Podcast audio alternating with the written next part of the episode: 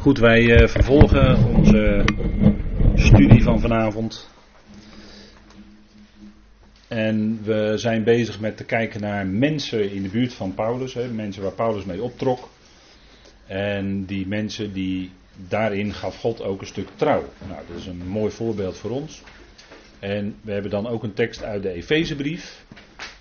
En er staat ehm, in Efeze, dat is bijna aan het einde. Opdat jullie echter weten wat mij aangaat en waarmee ik bezig ben, zal Tychicus, de geliefde broeder en trouwe dienaar in de Heer, jullie alles bekendmaken. Dus Tychicus was iemand, net als Timotheus, die geliefd was en die een trouwe dienaar was in de Heer. Paulus die kon hem uh, ja, inzetten, Paulus kon wat aan hem kwijt. Paulus kon uh, hem met een boodschap op pad sturen, om het zo maar te zeggen. Nou, en Tychicus, dat is ook een mooie naam, dat is een geluksvogel. Nou, dat was ook een geluksvogel in zijn leven, want hij leerde de boodschap van Paulus kennen. De evangelie van de genade. En dan ben je een geluksvogel hoor. Dan mag je je gelukkig prijzen. Want het zet je zo vrij, hè, als, als die genade in je leven gaat doorwerken. Hè, dan zet het je zo vrij in je innerlijk het bevrijdt zo. Het heeft een enorme bevrijdende werking. En dan weet ik wel dat het best wel bij mensen soms door een dal kan gaan. En dat mensen moeilijke periodes mee kunnen maken. Dat mensen gelovigen uh, uh, depressieve periodes kunnen meemaken. Dat, dat is allemaal zo. Dat kan heel moeilijk zijn bij gelegenheid. Maar het evangelie van de, van de genade, en dat heb ik wel eens eerder gezegd, is het meest pastorale evangelie wat, maar, wat je maar kan bedenken. Wat je zo enorm bevrijdt. De genade zet je zo in de vrijheid, in de ruimte van God. want God, jij hoeft, geen, jij hoeft geen prestatie voor God te verrichten om bij God in de gunst te komen. Nee, je was al lang in de gunst bij God, want je was in Christus al uitgekozen voor de nederwerping van de wereld. We hadden net over Titus, toch? Titus 1, vers 2 had Paulus toch over dat het eonische leven beloofd was voor de tijden van de eonen. Alsjeblieft. En nou, dat is wat. En als je dat gaat beseffen, hè, dat jij dus niets hoeft te presteren om bij God er beter voor te staan, maar dat het precies andersom is. Dat God alles heeft gepresteerd om jou tot zich te trekken. Dat God alles doet. Hè. Hij die u roept is getrouw hij zal het ook doen, begonnen we vanavond mee.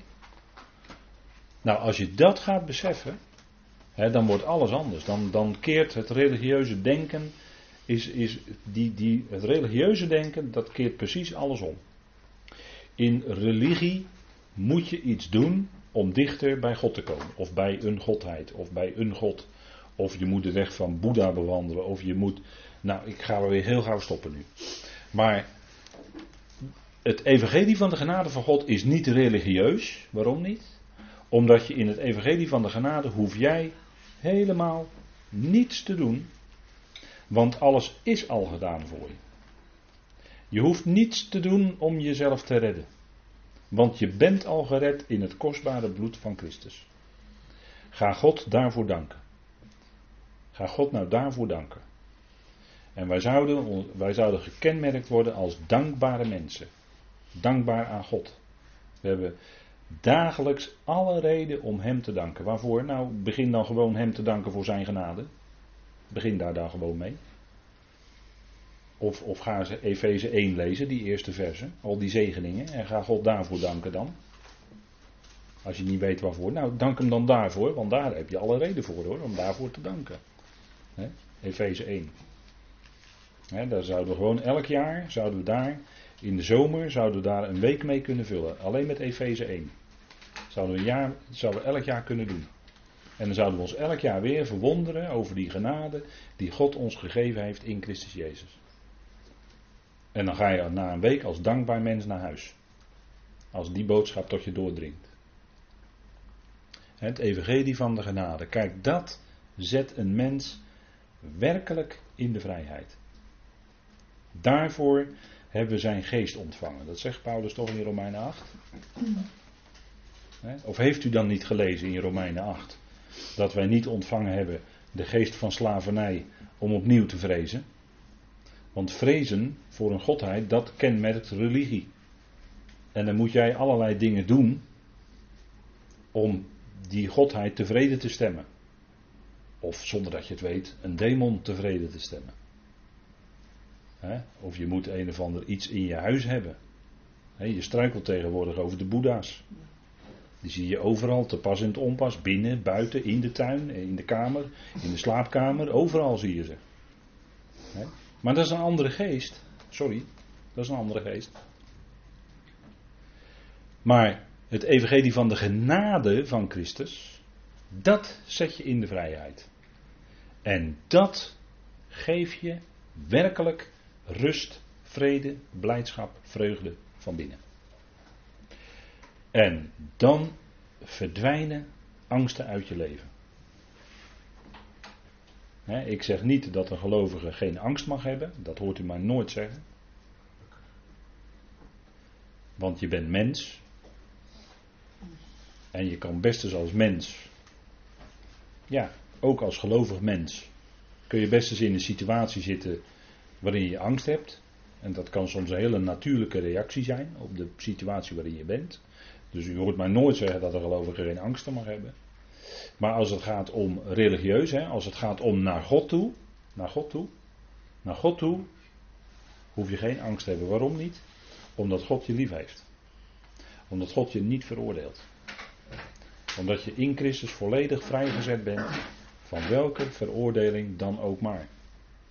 Het is onmogelijk dat God ons veroordeelt, omdat je in Christus bent. Het is onmogelijk dat Christus je veroordeelt. Zou hij zijn eigen leden veroordelen? Nee toch? Zou Christus de leden van zijn lichaam veroordelen? Denkt u dat? Nee hoor, dat doet hij niet. En het staat ook nergens. En zouden die leden onderling elkaar veroordelen? Uh-uh. Ook niet hè? Want wij zijn van Hem en wij kunnen niet als lid een ander lid van datzelfde lichaam veroordelen. Wie zijn wij eigenlijk? Wie ben je dan eigenlijk als je dat doet? Dat past ons helemaal niet. We zouden vrede bewaren onder elkaar. Hè? Nou, goed. Tychicus was een geliefde broeder en trouwe dienaar in de Heer. Hij was trouw in wat hij deed. En als je bezig bent met een stuk werk, dan is, het, dan is het zaak dat je daarin trouw bent. Ik heb de vorige keer het gehad over, stel je nou voor, er zit een zaal met 500 mensen en de spreker komt niet. Nou, dan zit je dan met z'n 500 te wachten op die spreker, die komt niet. Om welke reden dan ook, maar hè, vergeten misschien. Nou, dat kan toch niet? Nee, trouw is natuurlijk belangrijk. Hè? Trouw in wat je doet. Kleine dingen, grote dingen, het maakt eigenlijk helemaal niet uit hoor. Want God zet je in, in, in een stukje dienstwerk. En het is zaak dat je daarin trouw, trouw kan zijn. Nou, goed. Tychicus was dat, hè?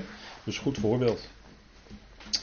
En dan zegt Paulus, kijk, betrouwbaar is het woord. Hè? Dit is nog een betrouwbaar woord. Hè? Want indien wij gezamenlijk stierven, 2 Timotheus 2, zullen wij ook gezamenlijk leven. Dat is een belofte die wij hebben. Hè? We zijn gezamenlijk met Hem gestorven en dan zullen we ook gezamenlijk met Hem leven. Dat is een belofte. Indien wij volharden, zullen wij ook gezamenlijk heersen. En nu wordt er iets gezegd wat voor ons misschien heel moeilijk is, maar wat Paulus wel zegt.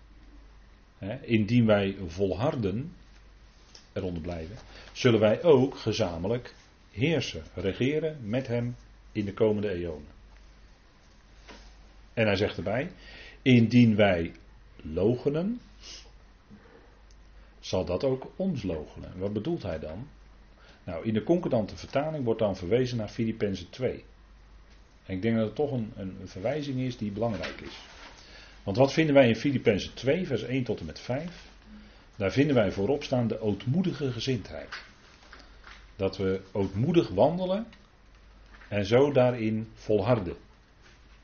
En dan zegt Paulus, Filippenzen 2 gaat om de gezindheid van Christus Jezus, weet u wel. Heel bekend hè. Het is heel bekend die woorden. En in de praktijk betekent dat dat je dan de ander superieur acht aan jezelf. Zullen we dat eens lezen, Filippenzen 2? Want dat is wel een punt, denk ik. Filippenzen 2.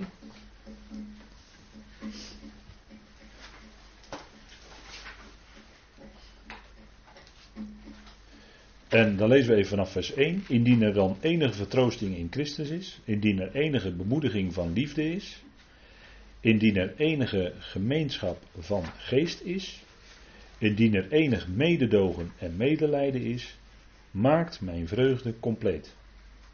Doordat jullie eensgezind zijn, dezelfde liefde hebben, één van ziel, op één ding gezind. Nou, die, die eenheid, hè, zo één zijn met elkaar, wat betekent dat dan? Dat betekent dat je niets doet uit tweedracht of uit eigendunk, maar in ootmoedigheid elkaar superieur aan jezelf achten. Laat ieder niet alleen letten op zijn eigen belangen, maar ook op die van ieder ander. Laat immers deze gezindheid in jullie zijn, die ook in Christus Jezus is. Nou, even tot zover. Waar gaat het dan om? Daar gaat het om ootmoedigheid, hè? vers 3. Maar in ootmoedigheid elkaar superieur aan jezelf achten. En dat houdt, wat houdt dat in? Dat houdt automatisch in dat je niets doet uit tweedracht. Dus je kiest niet voor de ene partij of voor de andere partij, die er mogelijk zou kunnen zijn in het lichaam van Christus. Je doet ook niets uit eigendunk.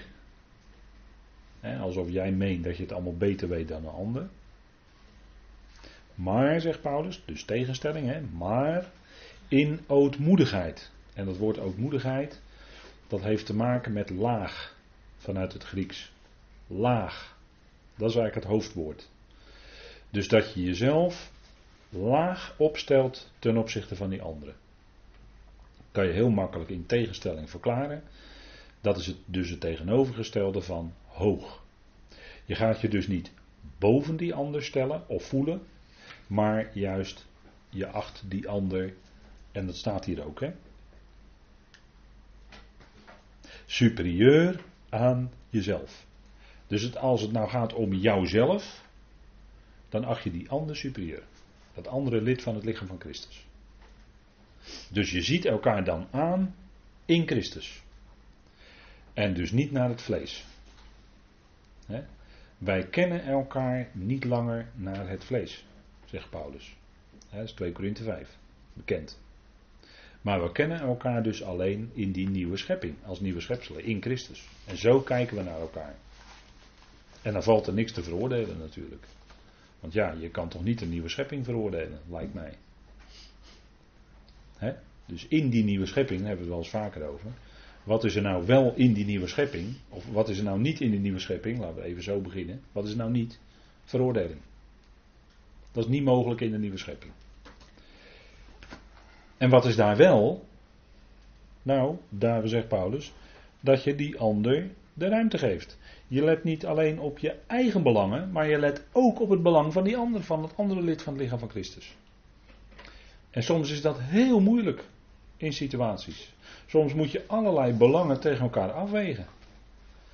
wat, we, wat ik nou doe, gaat dat in tegen dat belang? Of als ik nou dat belang wat belangrijker vind en ga daarop handelen, gaat het nou niet ten koste van andere belangen, van anderen in het lichaam van Christus? Soms is dat heel moeilijk om daar een weg in te vinden. Daar heb je veel wijsheid voor nodig. En daarom zouden we ook bidden natuurlijk om wijsheid. In situaties. Want dat is soms heel moeilijk.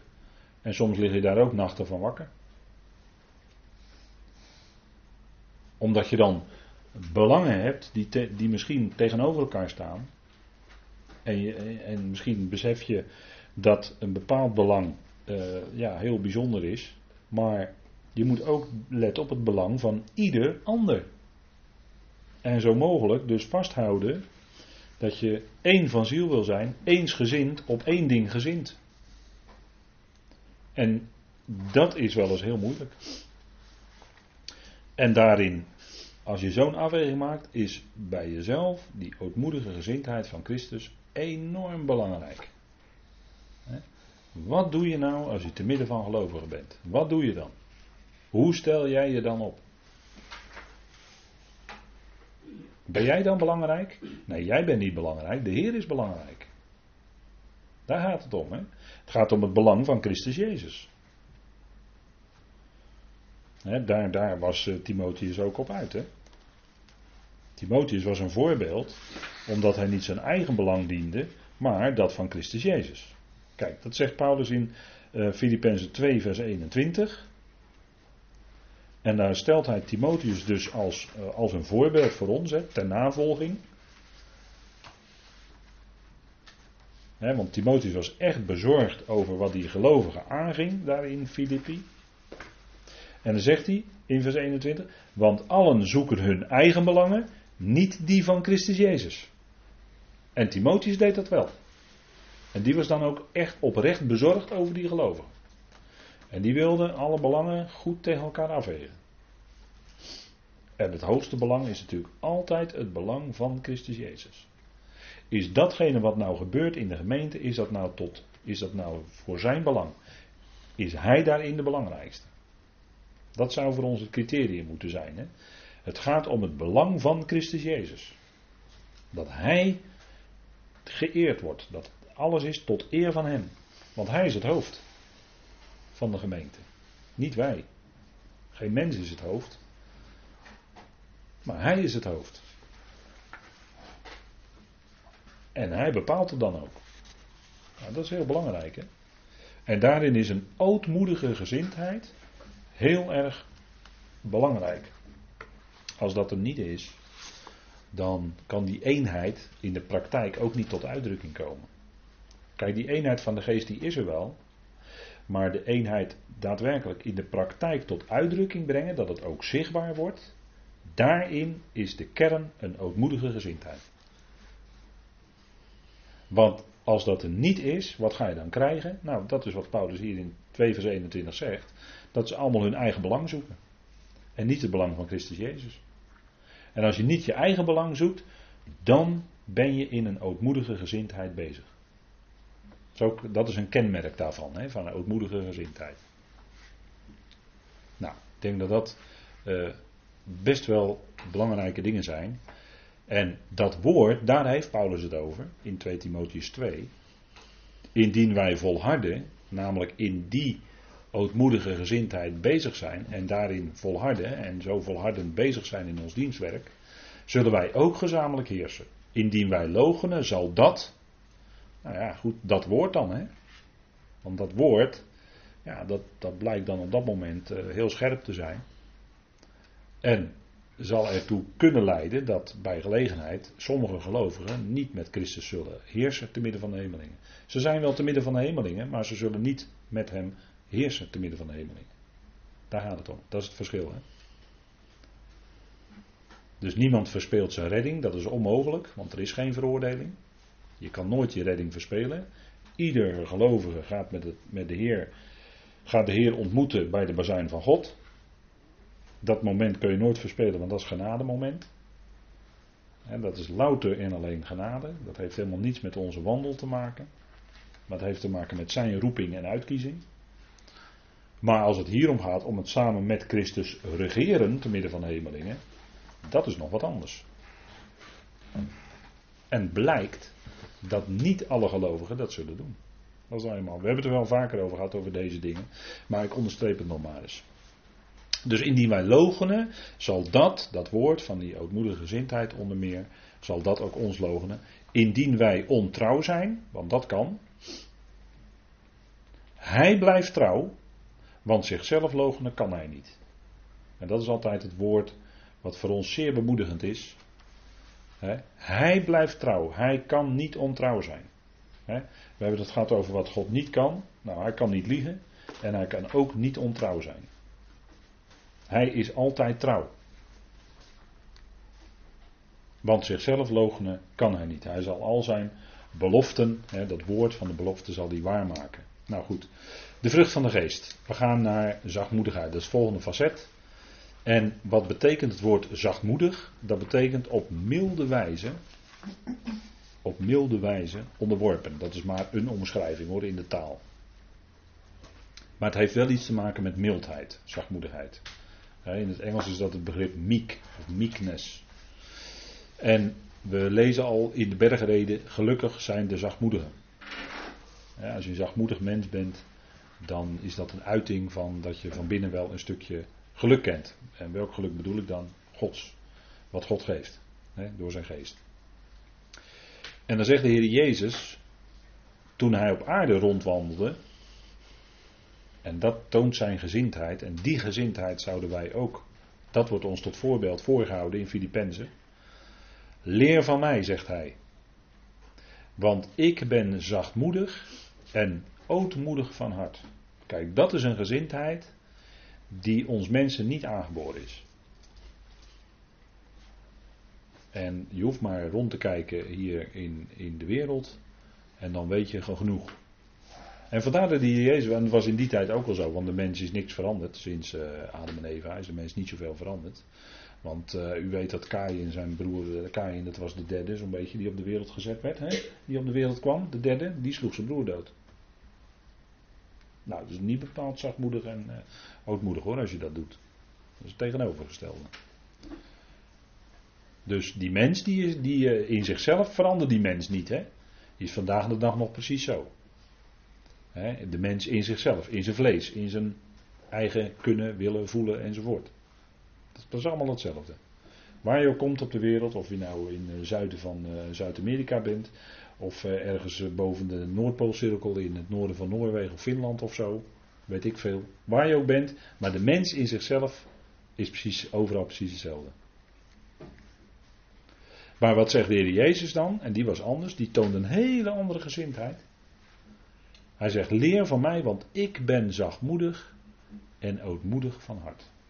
Dat is wat. Hè? Dat is wat. Als je zo die gezindheid toont. Hè?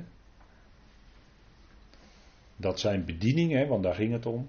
Hij had in Matthäus 10 had hij net die, die 70 erop uitgestuurd. 70 waren het geloof ik. Of 12, 70, ik weet niet. Die had hij erop uitgestuurd en hun, hun hele bediening, die gang van het evangelie van het koninkrijk, was op dat moment één grote mislukking. Had geen succes. En wat doet de Heer Jezus dan? Hij bidt. En hij dankt Vader zelfs.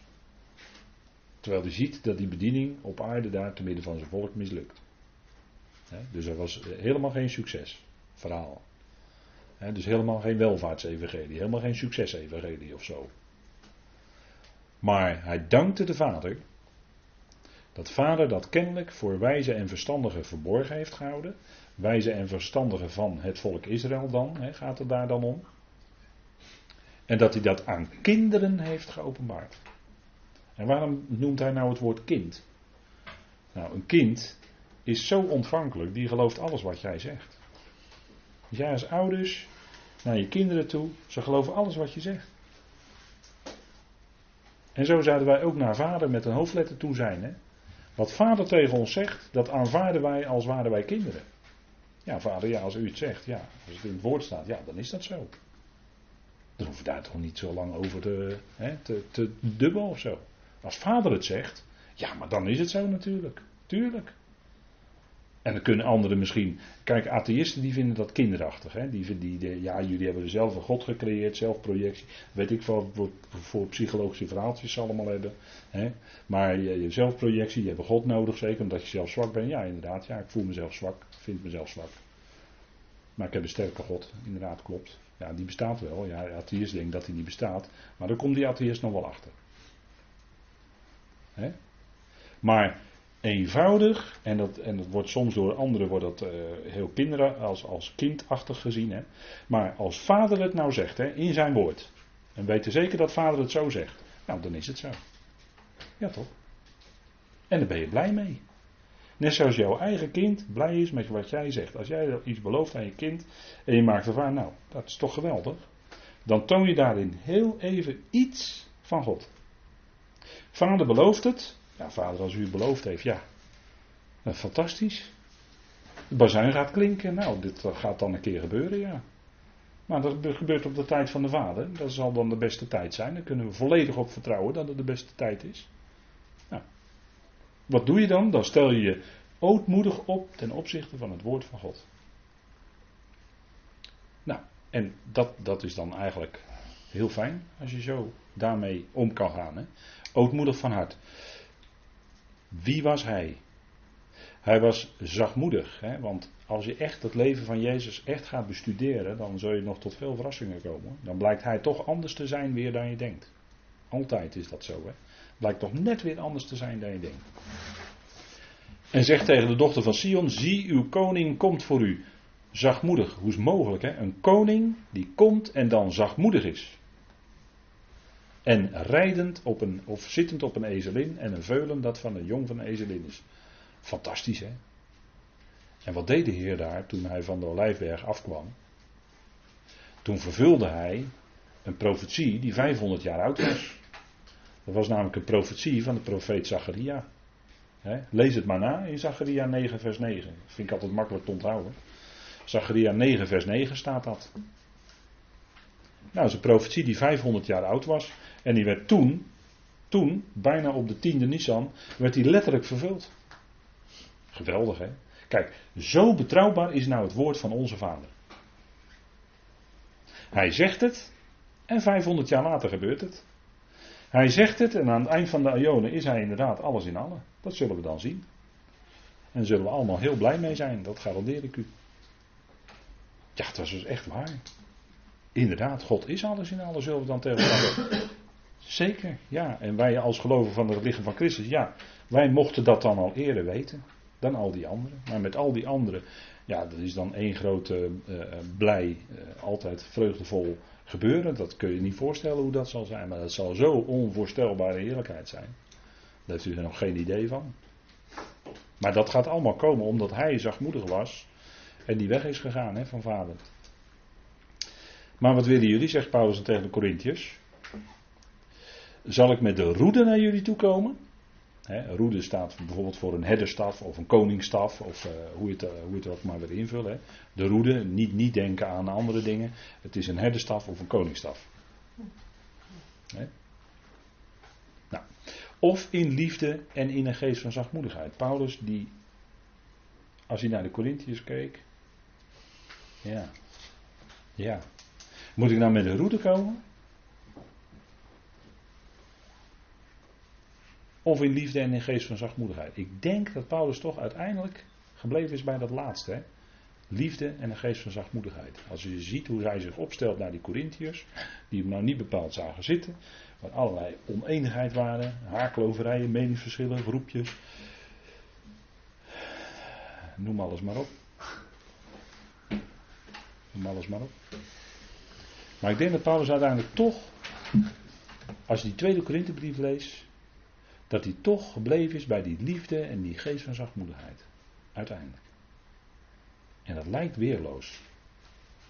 Maar daarin zit toch een geheim. liefde en zachtmoedigheid wordt door sommige mensen uitge, uh, uitgelegd als slapheid of zwakheid. Dat is het niet hoor.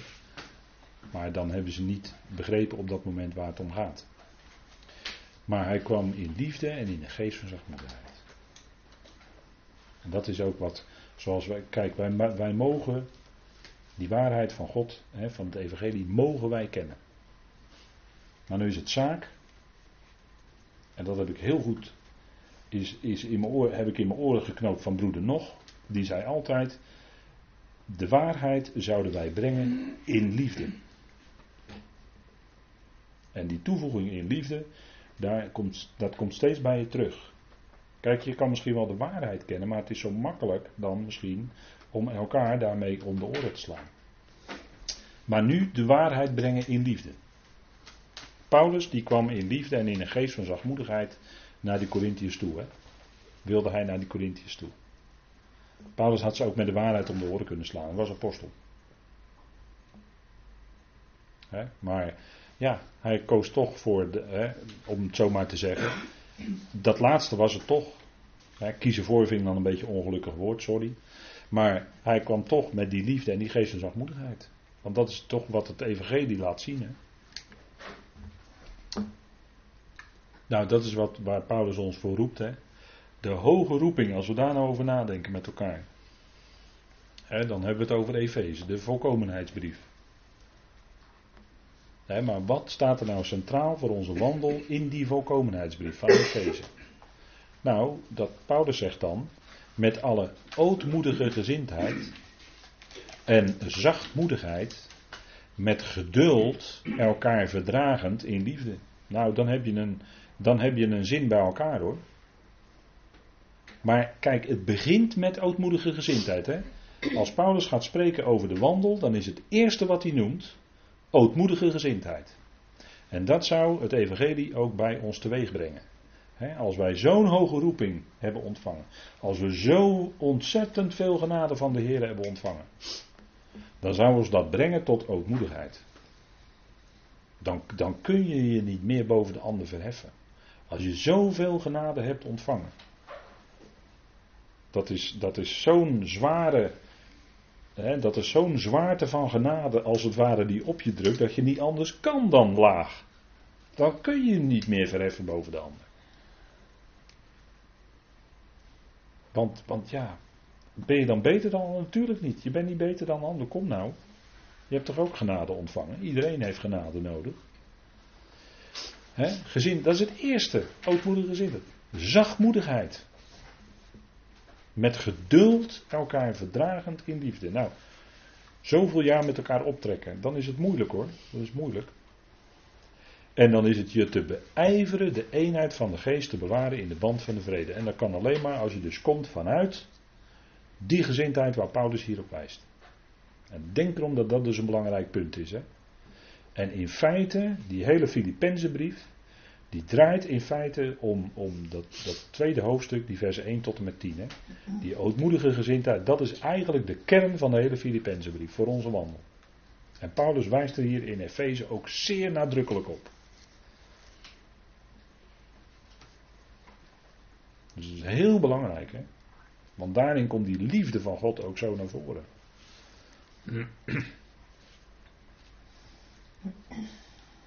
Nou, dan kun je niet boven de ander verheffen. Dat deed de Heer ook niet. Hij heeft zichzelf ontledigd, staat er dan. En hij heeft zichzelf vernederd. Hij heeft zichzelf gehoorzaam, hij werd gehoorzaam zelfs tot de dood van het kruis. Nou, dat is, dat is een diepe weg hoor, die je nou gaat. Dat is een hele diepe weg van verootmoediging. Ongelooflijk. Maar we zullen met Filippenzen daar nog zeer uitvoerig natuurlijk uh, met elkaar bij stilstaan. Omdat dat heel belangrijk is. En wat zegt Paulus dan tegen Timotheus? Als Timotheus ook als uh, degene is die uh, onderwijs onder andere moet geven, dan zegt hij met zachtmoedigheid de tegenwerkers opvoeden, zegt hij dan. Dat woord zachtmoedigheid, dat, uh, dat treft je dan zo in zo'n zin.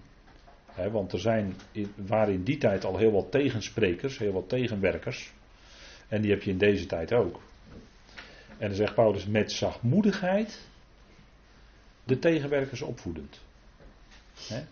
Iemand die onderwijs geeft zou zacht zijn en zou met zachtmoedigheid de tegenwerkers opvoeden. Want, laten we het maar even met elkaar lezen, waarom is dat zo? 2 Timotheus 2, ook een brief geschreven in gevangenschap, dus heel belangrijk voor ons.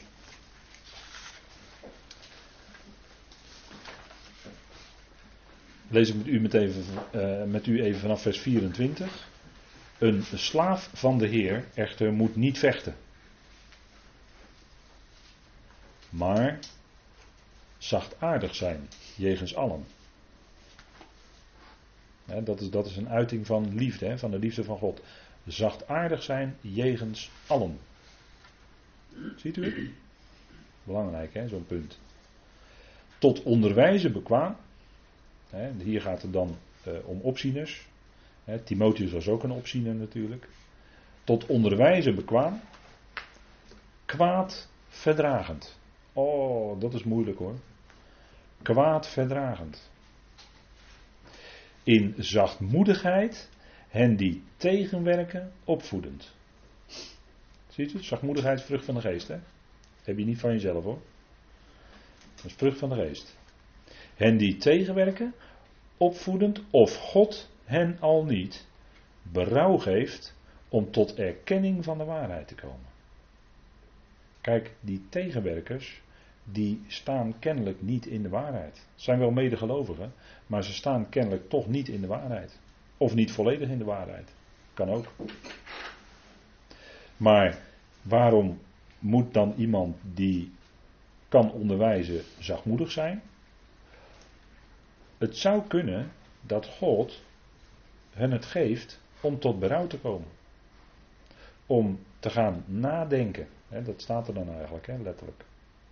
Om te gaan nadenken. Dat zou God kunnen geven bij die ander. Dat die ander uh, tot, ja, bekering is dan een ouderwets woord misschien voor ons. Maar dat, dat is het woord wat dan in vertalingen wordt gebruikt. Nou, de andere kant daarvan is berouw. En dat heeft te maken met nadenken. Dus het zou kunnen zijn dat God, onze Vader, hen het geeft dat zij tot inkeer komen. Dat weten wij niet. Dat weten wij niet. Wij weten ook niet waarom God hen in die situatie nog laat. Nog. Er zal ooit een keer natuurlijk een eind aan komen. Maar waarom laat God hun nog in die situatie dat zij tegenwerken?